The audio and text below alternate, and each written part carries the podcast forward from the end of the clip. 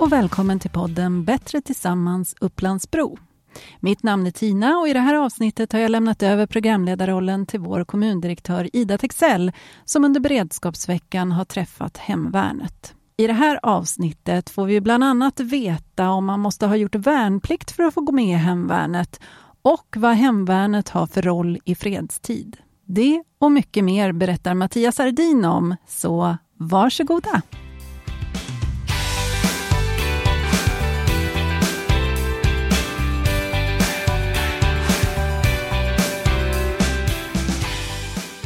Idag eh, träffar vi Mattias Ardin som är ställföreträdande rikshemvärnschef och i vår podd Bättre tillsammans kommer vi idag fokusera på hemvärnets viktiga uppdrag inom ramen för vårt totalförsvar.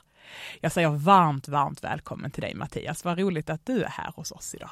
Stort tack! Det är väldigt kul att vara här eh, och det är väldigt roligt och viktigt att få prata om Försvarsmakten och hemvärnet och eh, den viktiga rollen som hemvärnet har i samhället. Ja, ska vi gå rakt på frågan. Vad har hemvärnet för roll och vad gör hemvärnet, Mattias? Hemvärnet har ju många ansikten och många roller. Ur ett perspektiv så är det ett krigsförband eh, med ett antal militära uppgifter som främst är att skydda och bevaka eh, viktiga delar av vårt samhälle. Det är det ena. Eh, hemvärnet är också ur något perspektiv en folkrörelse som kanaliserar ett eh, försvarsvilja eh, och en folkförankring. Eh, så det är också en viktig del av det och hemvärnets tredje ben som också är ju försvarsmakt, är de som faktiskt genomför det allra mesta av försvarsmaktens stöd till samhället vid kriser som exempelvis skogsbränder, översvämningar eller bortsprungna personer. Så jag skulle säga den, det man vanligast träffar som medborgare när man träffar på Försvarsmakten är oftast en hemvärnssoldat. Mm. Man kan säga så här att eh, stridskraften Hemvärnet har många uppgifter. Vi ska fördjupa dem lite grann i vårt samtal så att vi höjer kunskapen och också skapar en bredare och bättre bild hos de som lyssnar kring både hur man kan engagera sig men också faktiskt vad Hemvärnet gör. Ja. Det hoppas jag att vi ska. Ja. det ska vi Mattias. Ja. Men du, berätta om ditt uppdrag. Du är ställföreträdande rikshemvärnschef. Vad innebär det? Ja, att vara ställföreträdande rikshemvärnschef, det är ju, jag och rikshemvärnschefen är de som är ansvariga för att eh, man kan säga att hemvärnet finns och att hemvärnet har eh, på något sätt rätt förmågor och rätt utrustning. Vi ska ju se till att det finns ett eh, personalförsörjningssystem som ser till att det finns tillräckligt med hemvärnssoldater. Vi ska se till att det finns ett system för träning av hemvärnet.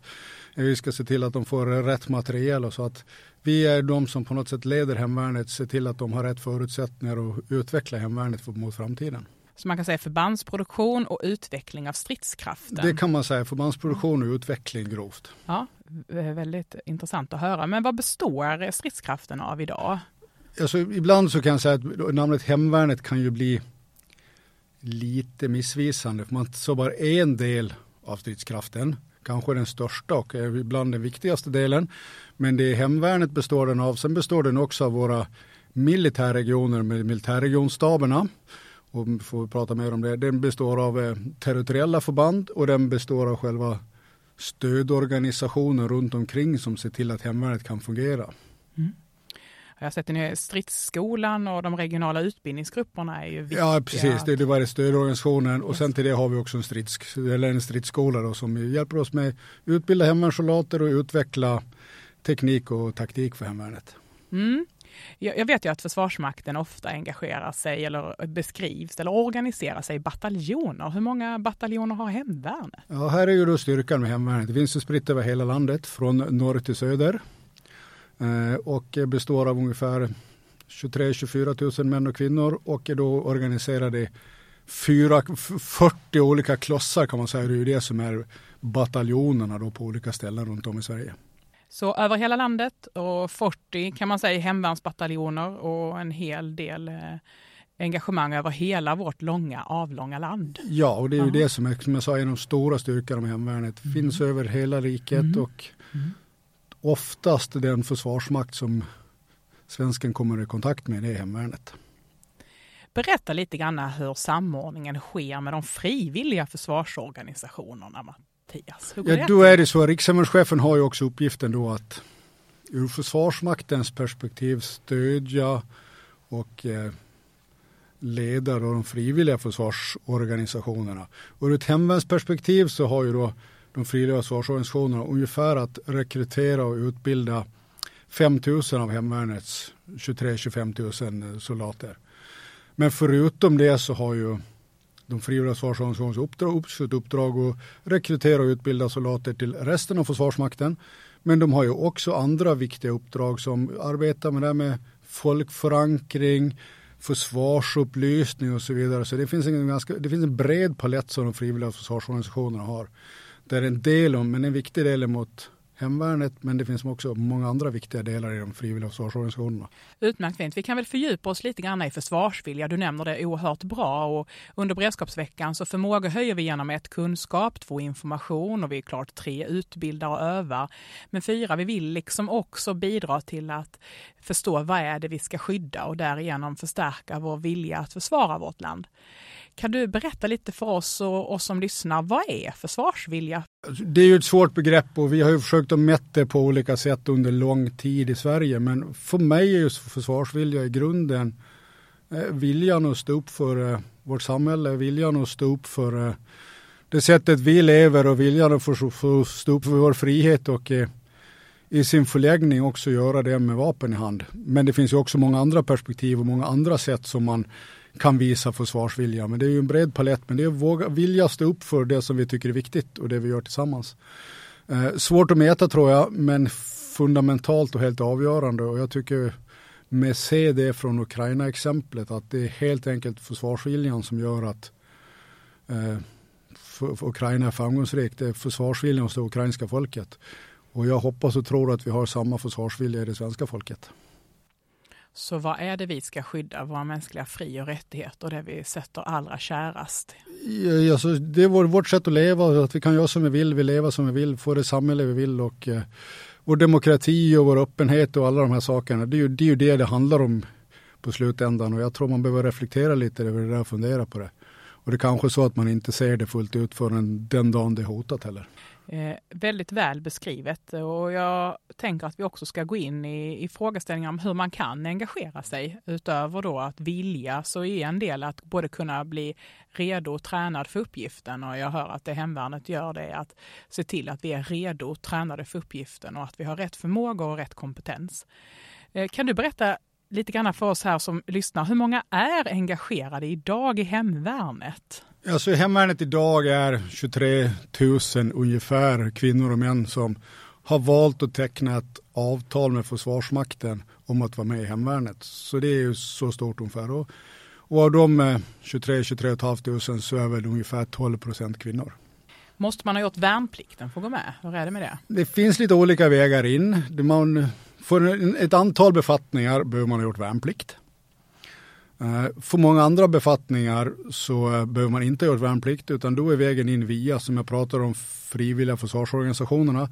Då går man den vägen och så har man en, får man sig en kortare militär utbildning och så får man en befattningsutbildning via de eh, eh frivilliga försvarsorganisationerna. Så det finns vägar in för lite olika sätt. Och det finns även andra vägar. Man kan välja att bara engagera sig i en frivillig försvarsorganisation om man tycker att det passar en.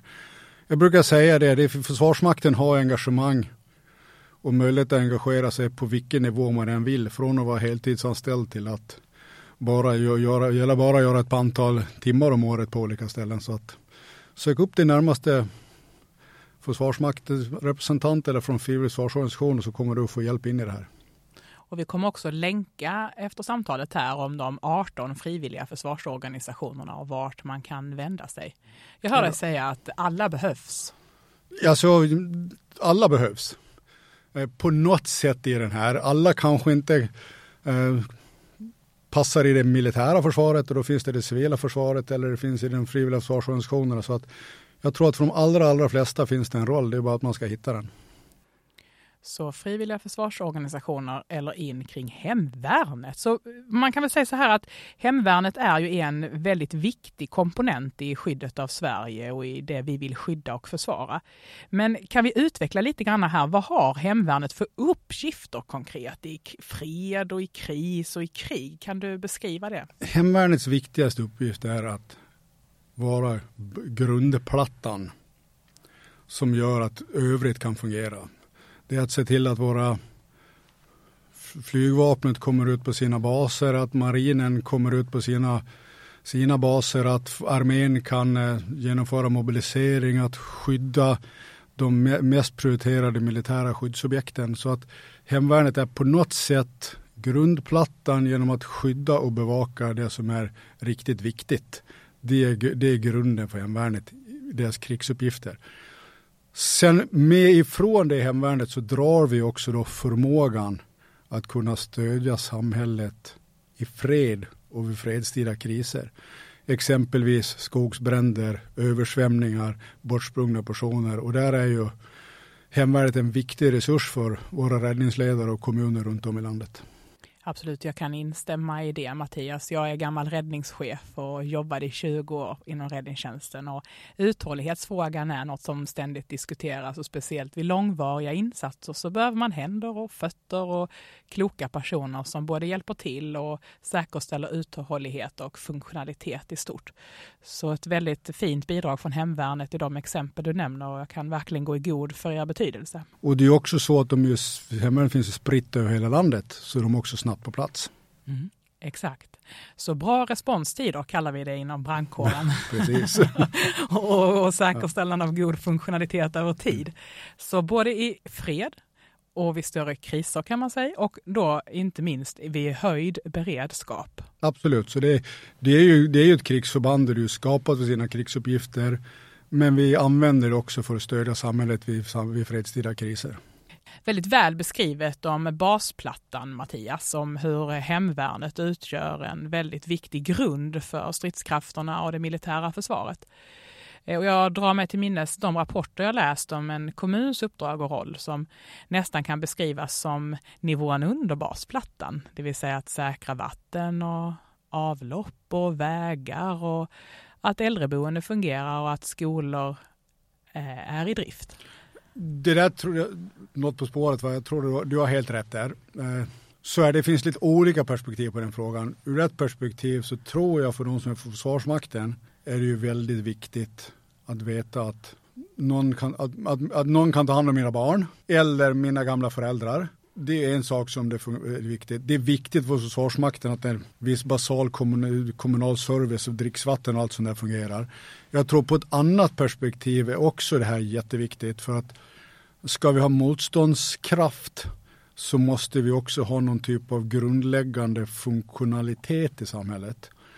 Och det kan man fundera på vad den är och det måste nog varje kommun göra sin egen analys. Men ska motståndskraften finnas kvar så måste det nog finnas i alla fall ett uttrycka det, rimligt väl fungerande samhälle där i botten. Sen kan man fundera på vad rimligt väl är. Det kommer nog skilja från situation till situation.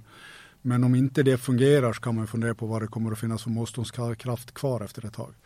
Och det är väl också kanske en av anledningarna till att vi ser nu hur Ryssland bekämpar i, i viss infrastruktur och så vidare i Ukraina. Är det så att man är ute efter att bryta den här motståndskraften eller varför gör man det? Din gissning är väl lika god som min där kanske. Mm. Klok analys. Eh, det måste finnas en viss nivå och en viss kvalitet för att det inte ska bli för dåligt. För då producerar inte heller de andra delarna i systemet så gott som de kan. Jag tänker ändå ställa frågan. Jag tror jag har ett svar själv, men jag skulle vilja höra varför behöver Försvarsmakten arbeta med frivilliga försvarsorganisationer, Mattias? Alltså, det, det, jag tror det finns väldigt många aspekter på det där. Vi behöver liksom få in bredden i samhället. Eh, vi behöver få, liksom, få människor ifrån alla bakgrunder, ifrån alla perspektiv, från alla samhällsklasser. Och de här frivilliga organisationerna är ett, ett bra sätt att nå ut på ställen som Försvarsmakten kanske inte når. Eh, det är också ett sätt som jag sa att för den enskilde att kunna engagera sig i Försvarsmakten på en nivå som möter vad man själv är beredd att gå in i. Alla kanske inte vill ha en fast anställning utan det finns lite andra sätt. Eh, det är också en resursfråga för att faktiskt kunna ha en ganska stor organisation den dagen det behövs men kanske inte ha riktigt den stora organisationen till vardags. Eh, och sen är det också ett sätt att på olika sätt skapa det som jag kallar för folkförankringen och försvarsviljan. Så jag tror det är där liksom vi behöver, det är nödvändigt med de här frivilliga försvarsorganisationerna för de skapar ett antal perspektiv till som Försvarsmakten kanske inte alltid gör. Mm. Det, det, är intressant, du nämner det på det sättet med olika profiler och kompetenser. Vi har ju sett erfarenheter från bland annat Totalförsvarets forskningsinstitut som har beskrivit hur viktigt det är med de civila kompetenserna som integreras in i kan man säga, stridskrafterna eller skyddskrafterna. Det vill säga i de frivilliga försvarsorganisationerna så är man ju dels utbildad och tränad för uppgiften, men man kanske också har med sig en annan kompetens in, det vill säga man kan vara sjuksköterska i botten kanske, eller datatekniker, eller ha med sig andra förmågor och kompetenser som kan vara avgörande när vi ska arbeta med att säkra samhällets funktionalitet. Men jag tror inte det bara är de rent yrkesmässiga kompetenserna. Nej. Det finns någon annan kompetens också, att faktiskt ja. känna sitt samhälle, Ja. Kännas där man bor och inte bara hitta i skogen men också känna nätverken, veta hur det fungerar, veta vem man ska prata med, eh, veta hur man får saker gjorda i det här området. Så det finns, det finns fler perspektiv på, ah, på, på kompetensen, bara den rent yrkesmässiga kompetensen. Och där är ju ett av hemvärnets stora styrka eftersom de har den lokala kopplingen så har de också en lokal kompetens. Så att känna sitt lokalsamhälle, det var utmärkt uttryckt. Så kompetens utifrån flera aspekter, inte bara en annan basförmåga plus att man har lärt sig nya förmågor genom försvarsorganisationen och dessutom lokal kompetens. Jag tror att den i många fall är helt avgörande Bra. för att hantera mm. ett problem som uppstår, att man faktiskt vet vad är förutsättningarna på den här platsen och vad finns det för förutsättningar här att lösa ut problemet. Instämmer. Och det är nog olika lösningar på olika ställen. Eller jag vet att det är olika lösningar på olika ställen i landet. Så därför måste man kunna sin egen hembygd. Snyggt. Ja, men väldigt välformulerat. Ja. Jag tänker på en stor olycka som vi hanterade nere i Skåne i min tidiga karriär. Där Kemira-olyckan kallade vi det. Där en av de viktigaste förmågorna vi fick in, det var ordförande i flugfiskeföreningen som visste exakt hur vattendragen rörde sig för att kunna ge oss beslutsfattare en bra lägesbild och också ge underlag för beslut. Så det här med lokalkännedom, veta hur vattnet rör sig, bildligt talat. Ja, jag tror det finns många ja. sådana kompetenser som är också ganska ja. svåra att förutse när man var och när man behöver dem. Ja, för det är just det. Eh, under beredskapsveckan pratar vi här mycket om att öva, men att också förstå. Att förstå kommer att bli allt viktigare än att förutse, eftersom det är så komplexa skeenden. I att träna och förstå sammanhang och strukturer, det kan bli en absolut adekvat tillgång när det oväntade inträffar eller situationer som man inte riktigt har förutsett inträffar. Och det är då jag menar, vadå väl well connected eller man är väl inne i sin bygd så även om jag inte har kunskapen så vet jag ungefär var i bygden jag ska hitta den här kunskapen. Och, och så det tror jag är en viktig kunskap och det tror jag faktiskt är ett av eh, hemvärnets adelsmärken. Och man brukar kalla lokalkännedom, ofta tänker man att man hittar på stigarna och vägarna men det, det är de andra nätverken är nog ännu viktigare i lokalkännedomen. Snyggt. Jag instämmer till eh, 100 procent med ditt resonemang och fint att det lyfts på det här sättet. Jag skulle vilja att vi växlar lite spår. Ehm, jag vet att du tidigare varit chef över mellersta militärregionen. Och jag tänker att eh, under den ehm, förmågehöjning som pågår just nu så eh, finns det ett begrepp som vi pratar mycket om, nämligen totalförsvarssamverkan. Jag skulle vilja höra lite både dina erfarenheter och tankar för framtiden. Ja, det där är ju på något sätt helt fundamentalt att vi återuppbygger vårt totalförsvar. Och eh, Försvarsmakten är ju helt beroende av samhället. Och i de skedenden och de i kriget eller hög beredskap de pratar om så kommer Försvarsmakten vara helt beroende av det. Och då måste vi ha ett fungerande totalförsvarssamverkan och fungerande strukturer för det där. Eh, så jag, och det måste vara på alla nivåer, från högsta politiska nivå till, till ner på kommunnivå. Så att det, och jag skulle säga det är jätteviktigt. Och om något perspektiv så är det väl så att det är bara att sätta igång och börja jobba med det där. Så integrera perspektiv, eh, både på lokal nivå eh, och nationell nivå. Absolut, för det måste fungera på alla de här nivåerna upp och ner. Och det är kanske allra viktigast ur mitt perspektiv längst ner för det är där man gör business på riktigt. Hur började ditt personliga intresse för både att skydda och försvara och hur kommer det sig att du är ställföreträdande rikshemvärnschef? Ja, det var så, jag, jag, tror som för många andra så började det med värnplikt. Uh, och jag trivdes bra och uh, på den vägen är det på något sätt. Sen har jag jobbat på och eh, försökt göra det så bra jag kan på varje befattning och varje sak jag har gjort och det har tagit mig hit på något sätt. Så jag hade egentligen inga funderingar på det här alls och jag har inte någon bakgrund i några ungdomsverksamheter eller någon frivillig försvarsverksamhet eller så utan började med värnplikten, trivdes väldigt bra och eh, hade en äldre kapten som sa att jag skulle fortsätta på den banan och så är det nu. Här står jag. Klok kapten ja. kan vi väl säga och det är vi tacksamma för. Avslutningsvis en personlig fråga. Vad är det bästa med ditt jobb Mattias? Eh, det bästa, alltså jag måste säga det bästa med jobbet är faktiskt så att jag har många kamrater så jag har aldrig, jag har aldrig haft en dag där jag känt så här, jag vill verkligen inte gå till jobbet idag. Eh, jag tycker det är roligt att gå till jobbet, jag gör, gör oftast roliga saker. Det känns som att man gör faktiskt meningsfulla saker och bidrar. Och eh, på det sättet liksom, det känns, det känns viktigt och det känns roligt och jag har nästan aldrig tråkigt. Vad fint, så viktigt och betydelsefullt och tack till den här kaptenen då ja, som precis. hejade på dig lite ja. extra. Eh, stort tack för att du kom till oss Mattias, det var en, ett nöje att få prata med dig och stort tack för att du tog dig tid. Tack så mycket. Tack.